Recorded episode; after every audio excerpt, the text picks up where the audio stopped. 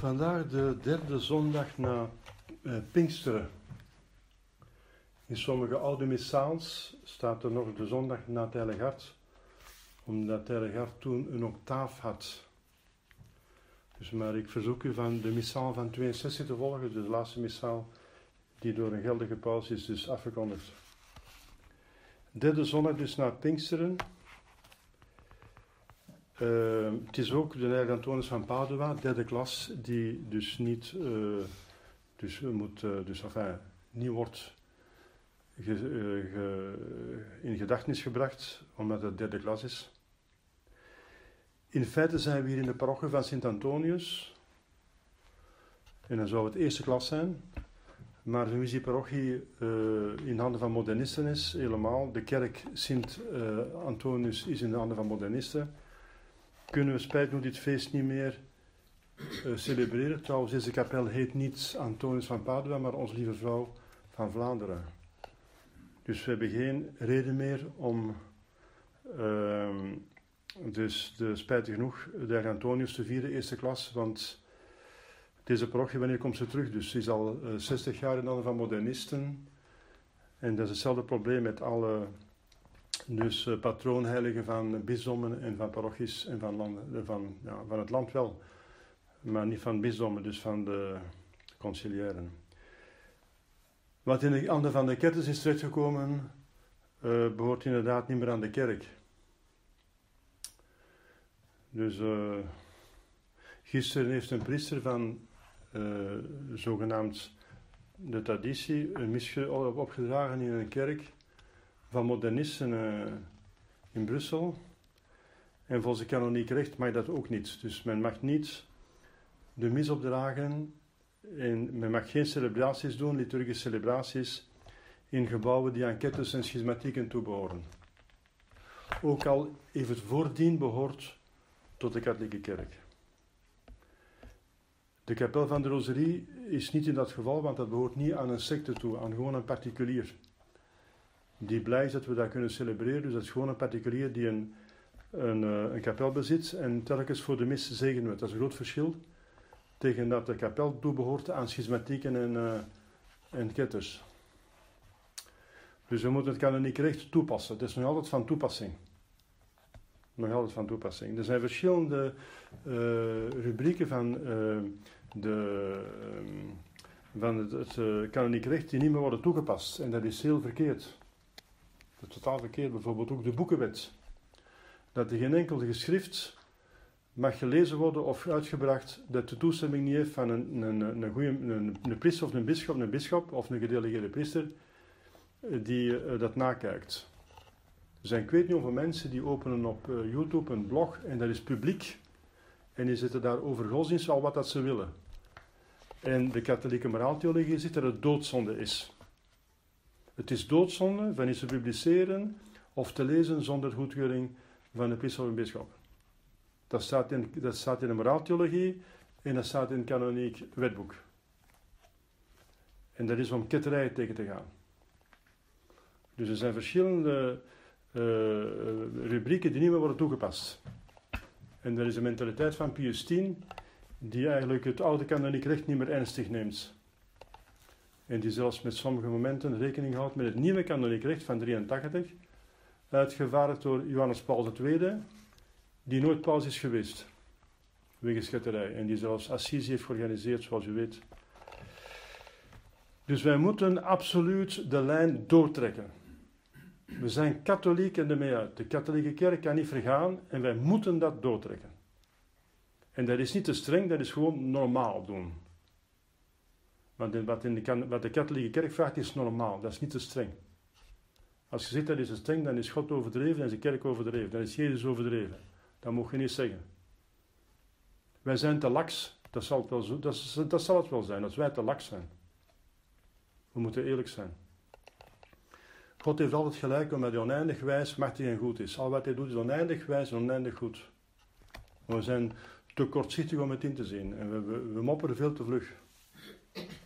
Wij moeten de lijn doortrekken. En het is een verantwoordelijkheid voor de priesters ook. Die het kanoniek recht moeten kennen. Die moeten blijven studeren. In de naam van de Vader en de Zoon en de Heilige Geest. Amen.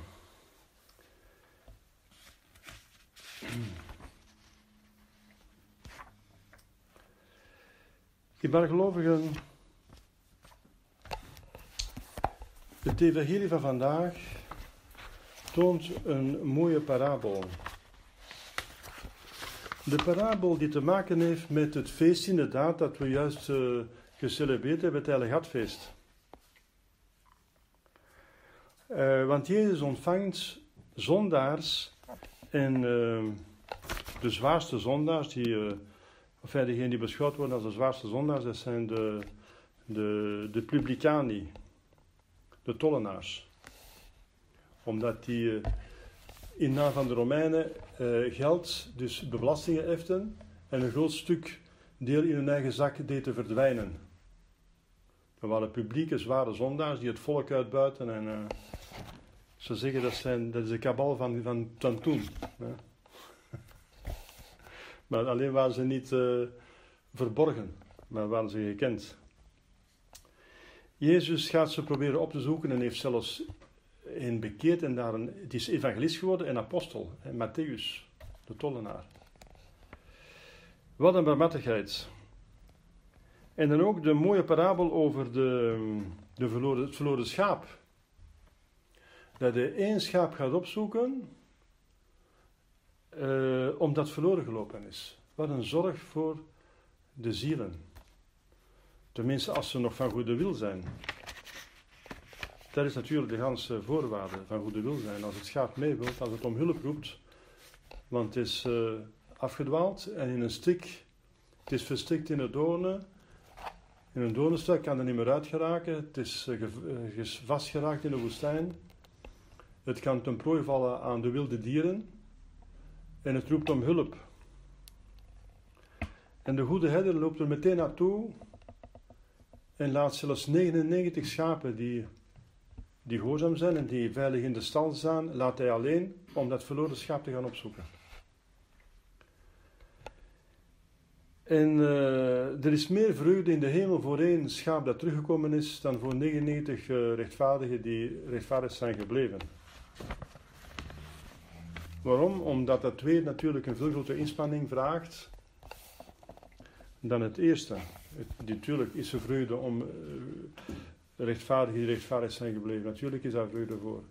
Maar er is meer vreugde voor een verruilde schaap dat terugkomt, dat is evident. Hè? Zoals de ouders die houden van hun kinderen. Maar als een kind dat, dat te dood verruild was, plots levend wordt door een goede dokter dan is die vreugde toch groter voor dat kind dan voor die anderen die nooit geen hebben gehad. Of een kind dat gedrogeerd is en in de, in, in de, de, de doodzonde valt, in, uh, in de zonde vervalt. Dat hij dan bekeert, daar is toch veel vreugde over. Voor ouders die een kind terugkrijgen, katholieke ouders die ervoor gebeden en geofferd hebben, ervoor geweend hebben. Dat is toch normaal. Er is natuurlijk vreugde over diegenen die nooit hebben gezondigd. Dat is zeker, zoals de derde parabel die er niet in staat, maar die de tweede zondag van de vaste, de zaterdag voor de tweede zondag, de zaterdag na de tweede zondag van de vaste wordt uh, gezegd, namelijk die van de verloren zoon. De verloren zoon. Wel, die zoon die altijd bij hem gebleven is, die zegt, en van mij heb je nooit een gouden kalf geslacht. Een, um, een, een, een vette kalf geslacht. De vette nos geslacht. Feest om feest te vieren. Je hebt mij nooit laten feest vieren met mijn vrienden. Ja, maar zegt hij, kind, je bent altijd bij mij geweest. Al het mijne is het uwe. Wist je niet dat al het mijne het uwe is? Je mocht daarvan gebruik maken als je wilt. Dat is ook een, eh, een, een, een, hint, dus een, een, uitnodiging voor ons die trouw, voor zover we trouw zijn gebleven, dat we veel te weinig gebruik maken van de genade. Diegenen die trouw zijn gebleven hebben veel meer beschik, genade beschikbaar dan dat ze eigenlijk gebruiken. Weet je? Maar, zegt hij, er moet feest gevierd worden, want uw broer is teruggekomen. Hij was verloren, hij was dood en hij is levend geworden. Hij was geestelijk dood. Hij leefde in, uh, in ontucht. Heeft al zijn geld, zijn erfenissen doorgehaald.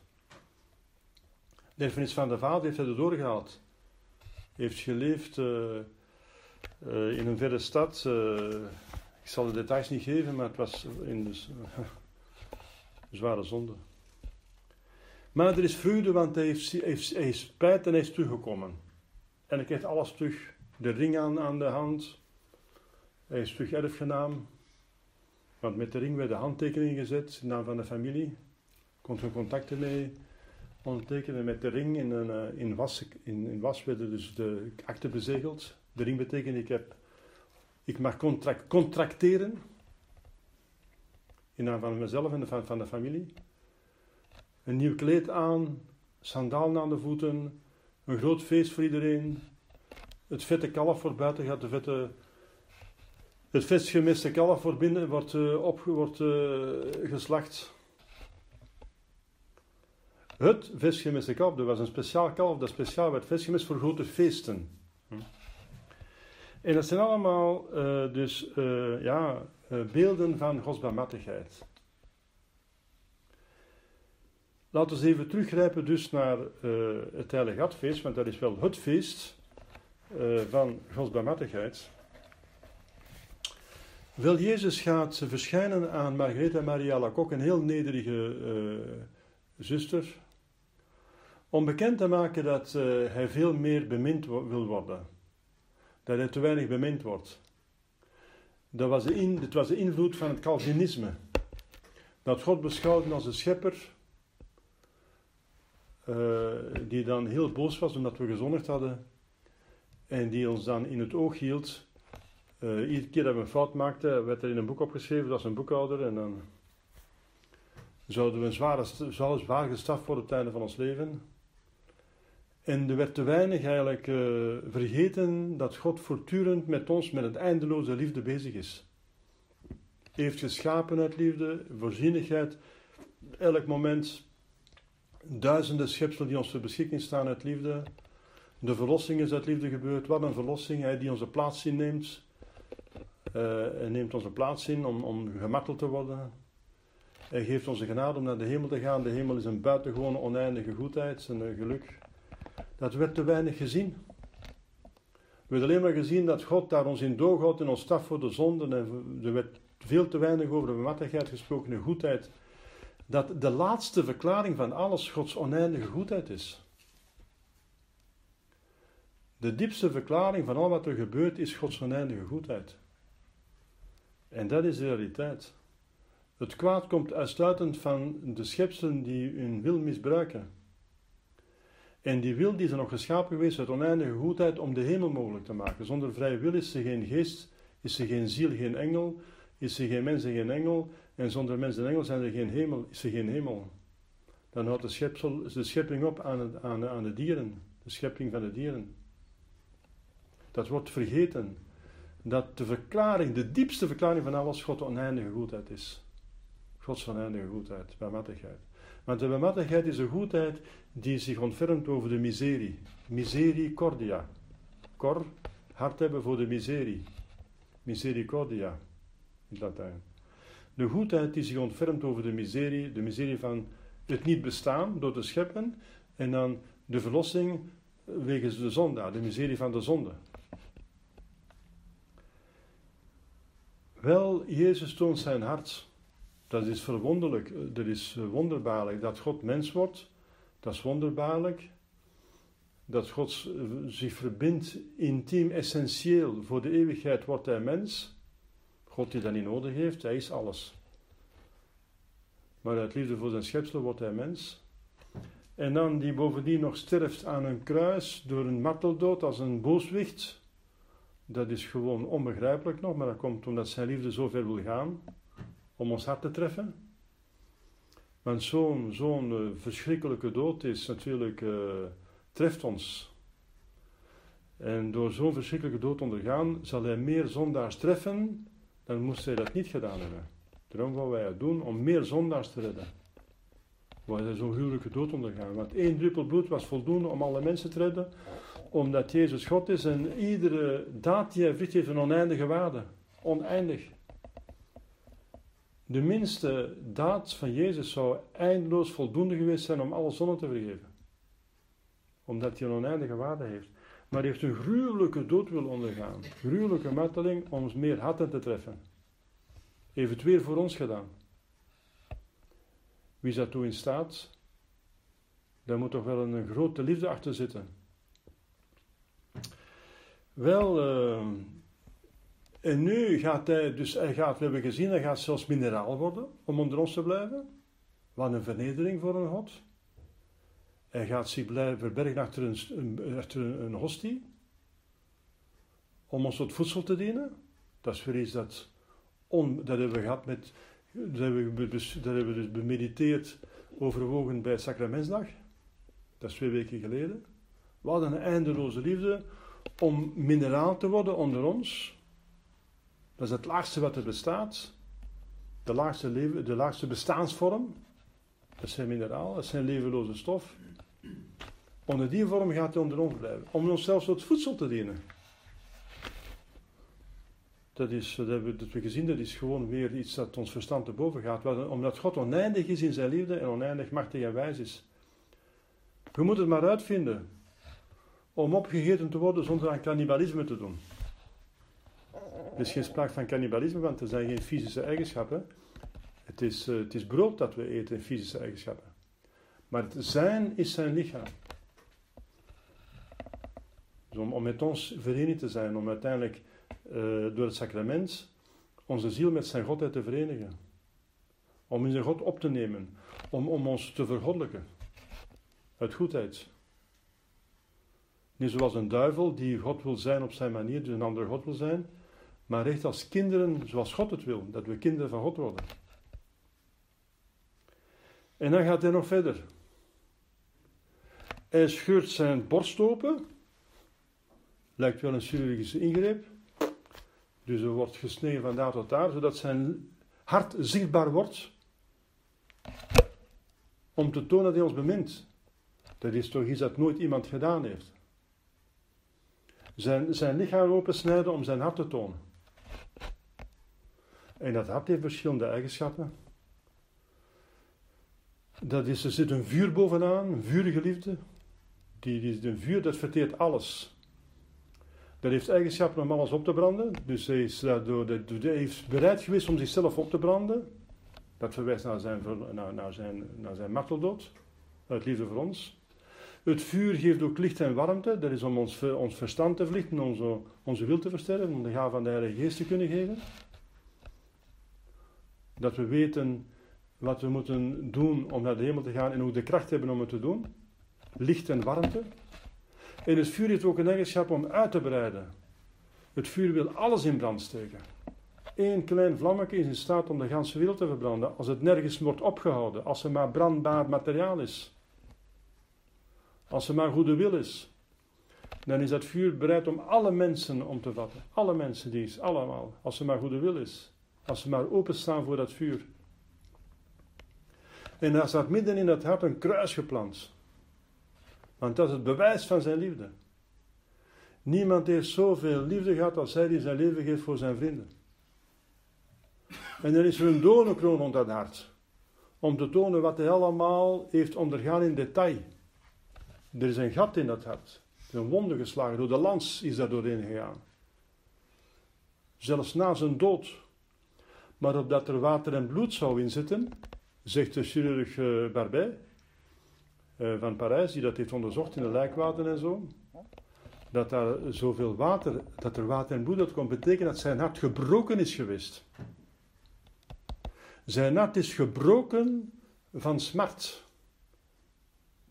Dat kan, letterlijk. Dat een hartbreuk krijgt van de eeuwige emotie, zoals ook een verschrikkelijke emotie heeft gehad met de, of van een lijf, dat hij zelfs bloed zweet. Dat is alleen maar mogelijk met een verschrikkelijke emotie van angst, want hij heeft in de details gezien wat er ging gebeuren met hem. En dat voor een hoop mensen voor niks zou zijn. Die zouden zijn genade niet, niet aannemen. Dus hij heeft geweldige, ook in zijn ziel geweldig geleden, dat moeten we niet vergeten. Dus niet alleen zijn, zijn lichamelijke wonden tonen aan hoezeer hij in zijn ziel geleden heeft. Het bloedzweet, de hartbreuk. Uh, dierbare gelovigen, Jezus toont zijn heilig hart. Waarom toont hij zijn hart? Wel omdat het hart gekend is om het symbool te zijn van de liefde. Het is niet de zetel van de liefde, want de zetel van liefde is de, zijn de hersenen. Het is door de hersenen dat we kennen wat beminnelijk is. en ook beslissen om te willen, te willen wat we, uh, wat we beminnen. Dat gebeurt met de hersenen. De, wil zit in, de wil, het verstand en de wil zitten eigenlijk in de hersenen. Want uh, daarmee verschillen we van de dieren.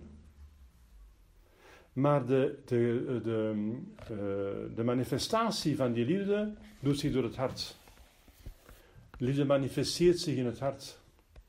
Het hart gaat bonken, gaat vlugger slaan, gaat, uh, er gaan emoties in het hart komen, omdat er natuurlijk een, een osmose is tussen ziel en lichaam. Het is een osmose, het is, een geweldige, het is ook een, een, verbinding tussen de organen, dus het hart staat in verbinding met de hersenen. Het bloed, doet het, bloed wordt gestuurd door het lichaam, door het hart.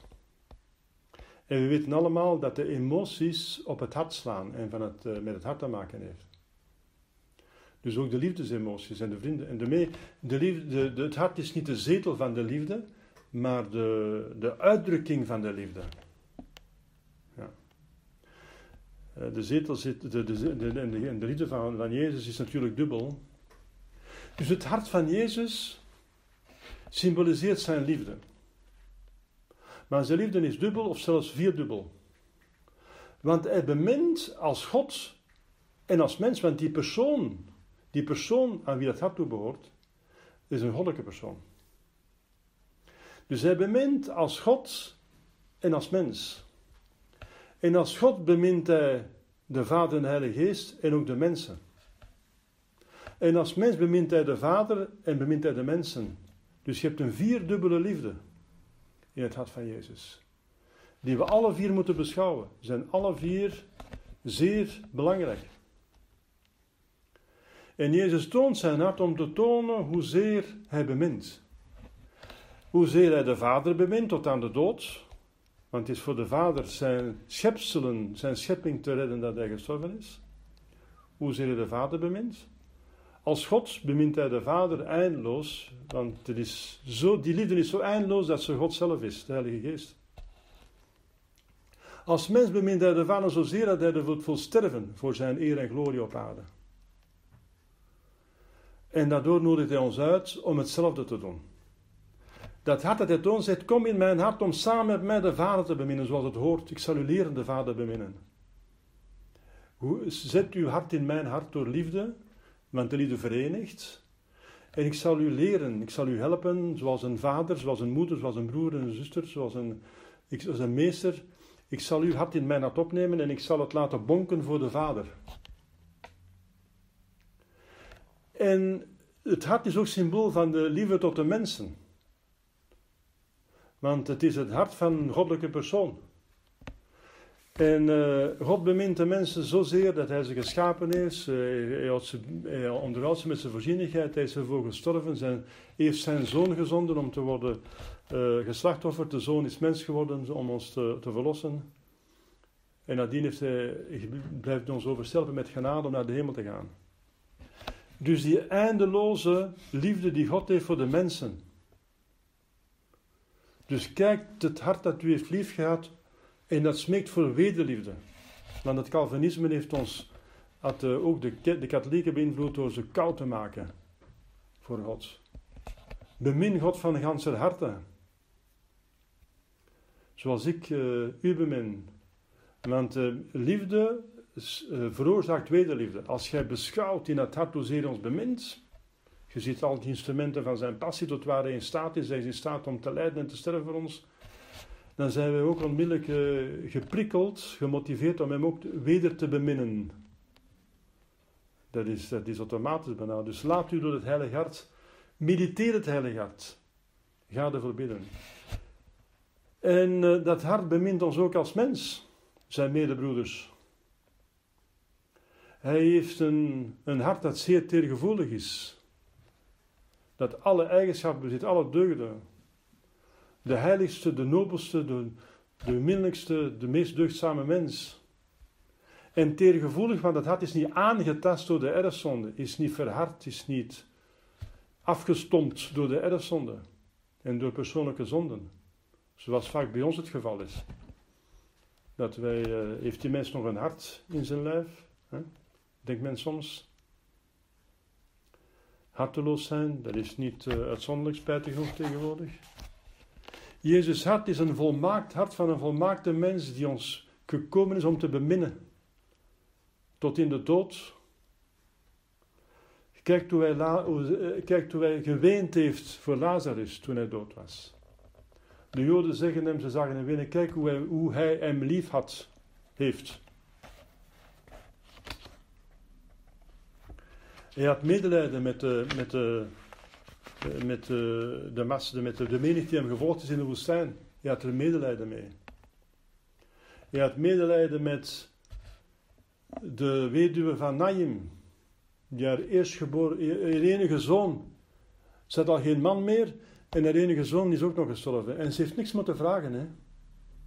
Ze heeft hem niks moeten vragen.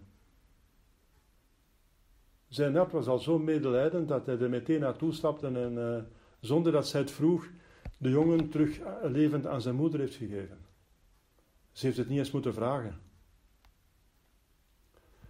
Een buitengewone vriend, teergevoelig, zuivere liefde, zonder bijbedoelingen, kuise liefde, totale liefde. Mag geloven, dat zijn die vier liefdes die in zijn hart zijn, in zijn ziel.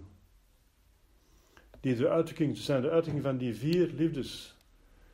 Wel, die geloven, laat ons daaraan denken dat wij dat hart beminnen. Je zou zeggen, ja, maar uh, de liefde van God is voor de Heilige Geest. Dus het hart is dan ook een symbool van de Heilige Geest. Nee, het is een symbool van de Heilige Geest. Het is symbool van de Zoon die zodanig de Vader bemint en de mensen dat hij de Heilige Geest ademt.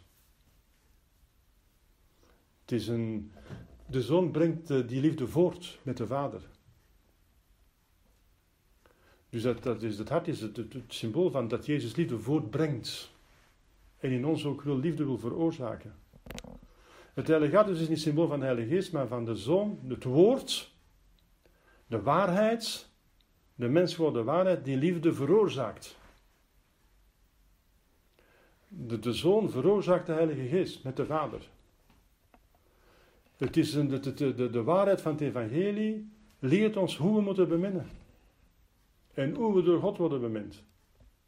Het veroorzaakt liefde. En dat wil het ook in ons veroorzaken. De liefde tot God en tot de medemensen. En dan zo totaal mogelijk. Zoveel mogelijk. Beminnen God met gans uw hart.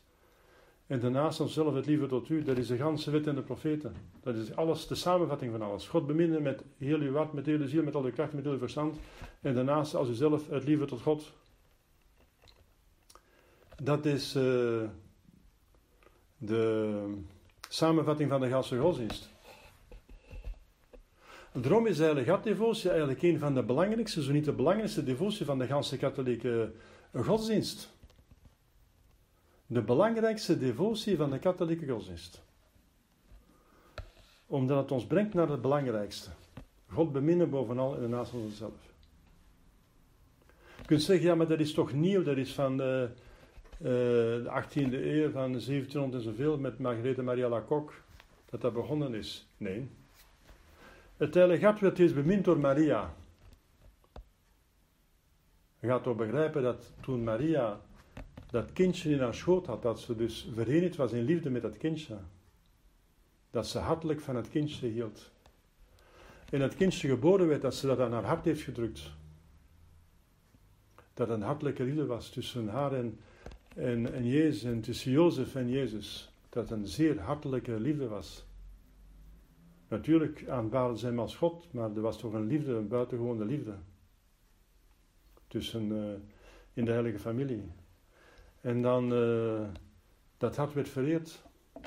We zien het uitdrukkelijk op het laatste avondmaal als Johannes de evangelist zijn hoofd tegen zijn borst legt. Dat is een zeer zuivere liefde. Dat was om zijn goddelijke liefde, zijn buitengewone liefde die hij begrepen had uh, en die ook menselijk was. te kunnen, uh, meer te kunnen ervaren en te kunnen beantwoorden. Johannes, die het meest werd bemind door Jezus, omdat hij macht was. Omdat hij was deze enige apostel die nooit, die nooit geen uh, huwelijkszacht heeft gedaan. Een zuiver hart, dus ik kon hij dichter bij zijn hart halen, omdat, ze zuiver, omdat het zuiver was. Heeft hij meer bemind, omdat hij kuis was. Hij zat zelfs uh, celibaat. Petrus was degene die Jezus het meeste beminde. En Johannes is degene die door Jezus het meest bemind werd. Ziet je het onderscheid? Petrus mocht paus worden. Maar Johannes was de lieveling. En dan werd Maria toevertrouwd. En heeft ook het langste geleefd, want Maria, als je Maria voor iemand bidt, krijgt, bidt, krijgt hij buitengewone genade en gaven. Ja, je kunt dat de liefde van God, van Jezus hart, ook zien in Maria's hart. Die twee harten zijn één. Moreel gezien zijn ze één. Ze zijn niet fysisch één, maar ze zijn moreel één. Ze zijn moreel één omdat, ja, door die grote liefde, de liefde verenigt. Dus in het hart van Jezus vindt u het hart van Maria. Vindt u het hart van Sint Jozef. Het onbevlekt hart van Maria. In Maria's hart is, ja, een moederhart waardoor God ons bemint. Dus Maria is ook het instrument van God. Natuurlijk is zij schepsel, maar zij is zo vervuld van de genade van God en zij zagen zelfs onze moeder, dat als God als het ware ons bemint via het moederhart van Maria. Dat kan hij niet als, als man, maar als God kan hij het wel. Hij wil zo ver gaan dat hij ons zelfs wil beminnen met een moederhart.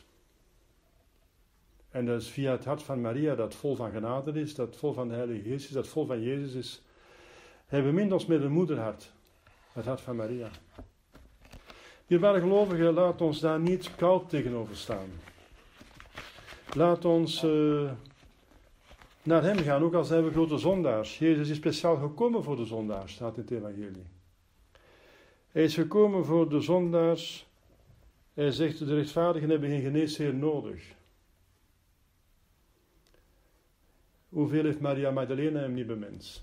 Dat was ook een zuivere liefde, want ze was genezen van haar zonde. Zij, zij heeft uh, een bemind meer dan iemand anders. Want zij zat onder het kruis. Haar liefde bracht haar onder het kruis, ondanks al, alles.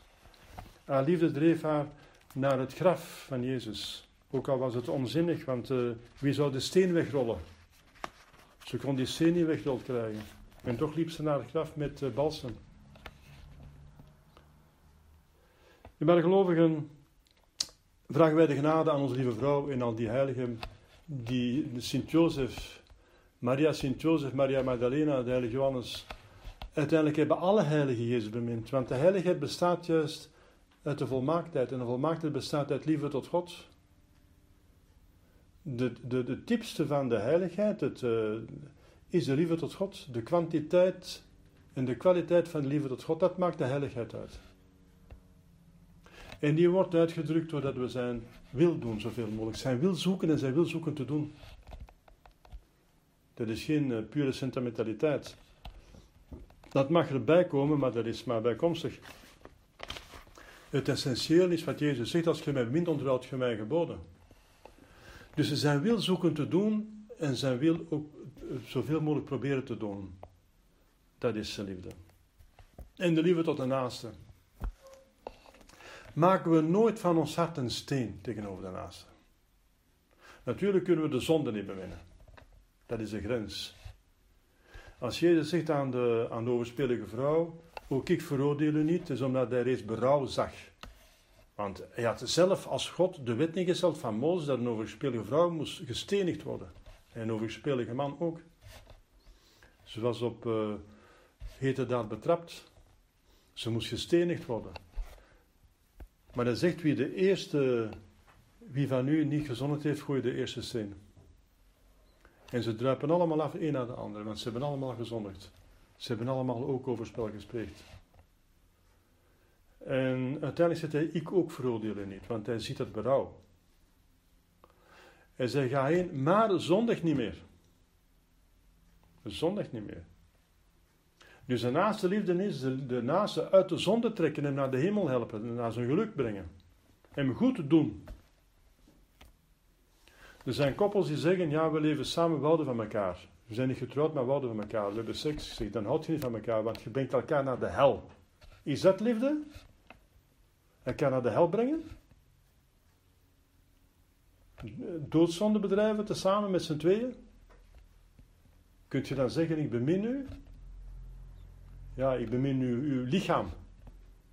Op een ongeordende manier, dat is alles. Verder gaat dat niet, want je ziel kunt je niet beminnen, want je ziel maakt je zwart, je haat haar ziel. Zijn ziel. Dan is een keer na wat je bezig bent, je bent aan het liegen. Hier gelovigen vragen we deze grote genade om Jezus te beminnen van alle harten tot uh, het einde van ons leven en in de eeuwigheid. In de naam van de Vader en de Zoon en de Heilige Geest. Amen.